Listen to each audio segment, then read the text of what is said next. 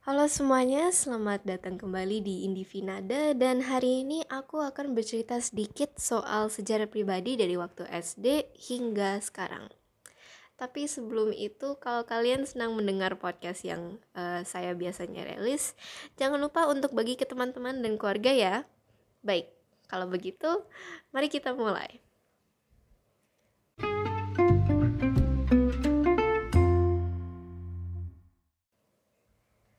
Nama lengkap saya adalah Nada Kiana Limantan. Saya lahir pada tanggal 20 Februari tahun 2005 di Tangerang Selatan, Kota BSD.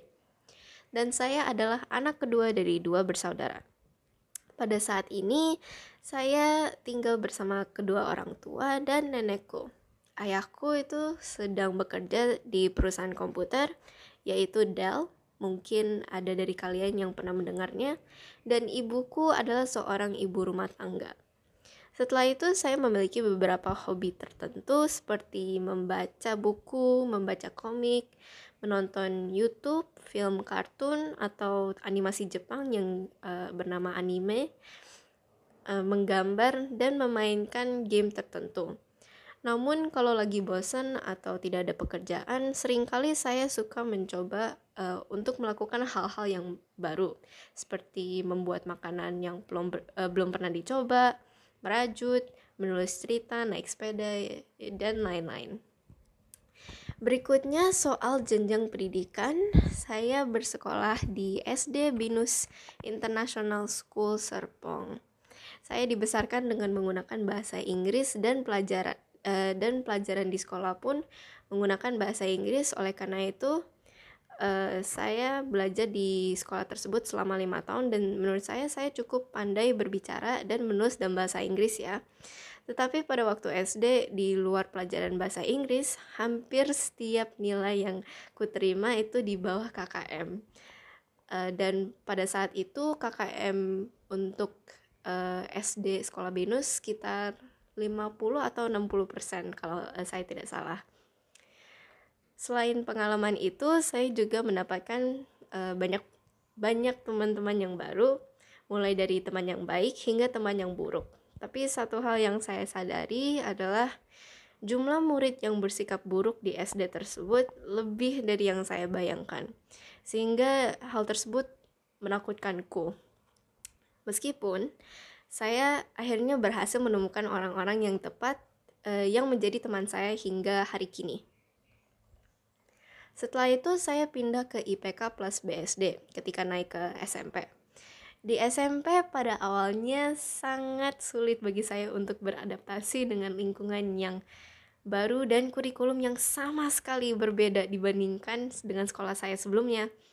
Selama semester 1, saya terus-menerus mendapatkan remedial dan hal tersebut membuat saya sadar bahwa saya tidak bisa lagi menunda-nunda pekerjaan atau menjadi malas seperti saya uh, seperti saat saya di SD. Oleh karena itu, seiring berjalannya waktu, saya perlahan-lahan beradaptasi dengan gaya belajar yang jauh lebih efisien dan jauh lebih efektif. Alhasil, nilai saya naik secara drastis uh, saat saya berada di SMP kelas 2, saya mengalami depresi untuk pertama kalinya. Pengalaman tersebut ya mungkin tidak menyenangkan untukku dan hampir setiap hari hal tersebut membuat saya nangis setiap kali saya kembali dari sekolah. Namun ya, setelah melalui masa itu akhirnya saya juga uh, saya sekali lagi menemukan sekelompok or, uh, orang yang dapat membantu saya mengatasi depresi itu dan yang membuatku menjadi seperti sekarang ini. Akhirnya setelah saya lulus SMP, saya diberi keputusan untuk pindah atau tetap lanjut di S, uh, di IPK dan saya memutuskan untuk tidak pindah sekolah dan tetap tinggal di IPK. Sementara sedihnya beberapa teman saya pindah keluar ada yang sampai uh, pindah ke sekolah yang berada di Jogja. Jadi uh, jaraknya lumayan jauh.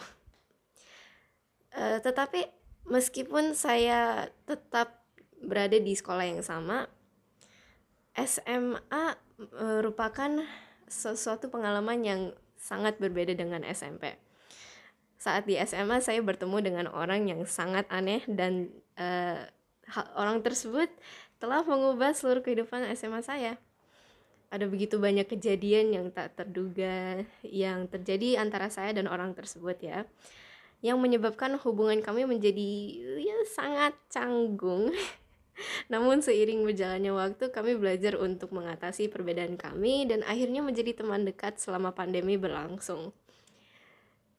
Uh, dan tiba-tiba salah satu teman SMP saya uh, yang sudah pindah keluar atau pindah uh, dari IPK, dia pindah kembali ke IPK di tahun kedua SMA saya. Jadi tidak lama kemudian kami bertiga menjadi sahabat ya sahabat sejati lah bisa dikatakan. Saya juga melakukan beberapa uh, aktivitas di luar sekolah saat saya berada di bangku SMA. Setelah mengikuti OSIS selama wah, hampir lima tahun ya, hampir lima tahun penuh, saya memutuskan untuk bergabung dengan organisasi baru yang bernamanya YIS. Dan organisasi tersebut bekerja di bawah organisasi yang bernama JCI, juga dikenal sebagai Junior Chamber International. Organisasi ini sangat membantu saya berhubungan kembali dengan beberapa teman lama dari BINUS karena ternyata beberapa anggota yang ada di YIS itu um, adalah murid-murid SD BINUS International School Serpong. Jadi organisasi uh, ini uh, membantu saya berhubung kembali dengan uh, berhubung kembali bersama uh, bersama mereka ya. Dan selain itu organisasi ini juga menolong saya untuk membuat koneksi yang baru uh, dengan murid-murid dari sekolah lain. Akan tetapi uh, karena organisasi ini adalah organisasi yang baru dibuat organisasi tersebut juga mengajari saya bahwa terkadang segala sesuatu tidak dapat berjalan seperti yang kami harapkan. Karena ada begitu banyak masalah yang harus kita hadapi dan begitu banyak orang yang tidak mau bekerja uh, sama dengan uh, satu sama lain. Jadi pada akhirnya saya terpaksa untuk mengundurkan diri dari organisasi ini karena jadwal saya yang sangat padat. Pada saat ini saya mendengar dari ketua uh, kelompok uh, bahwa organisasi tersebut sebetulnya sudah dibubarkan dan mereka memutuskan untuk bekerja di bawah uh, sebuah organisasi yang uh, bernama Leos Club sebagai gantinya. Saat ini saya sedang merencanakan kuliah saya. Sudah tahun ketiga di SMA. saya masih tidak yakin uh, jurusan apa yang harusnya saya pilih. Tetapi kemungkinan besar saya akan mengambil psikologi. Belum lagi saya masih belum memutuskan negara yang saya akan tempati ataupun uh, universitas yang saya akan daftar. Jadi saya masih kurang yakin. Tetapi orang tua saya mereka ingin saya berkuliah di Taiwan.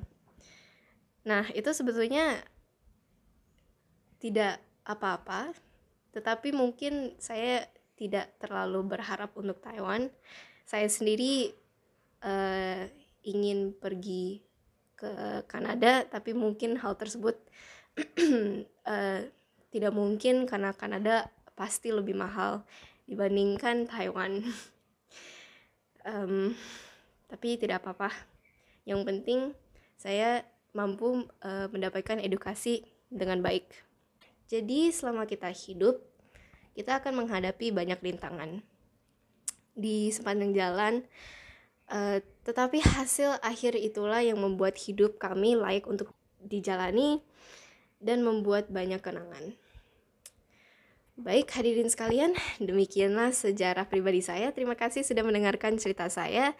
Saya harap kalian semua telah menikmati podcast kali ini dan sampai ketemu lagi. Tuhan memberkati.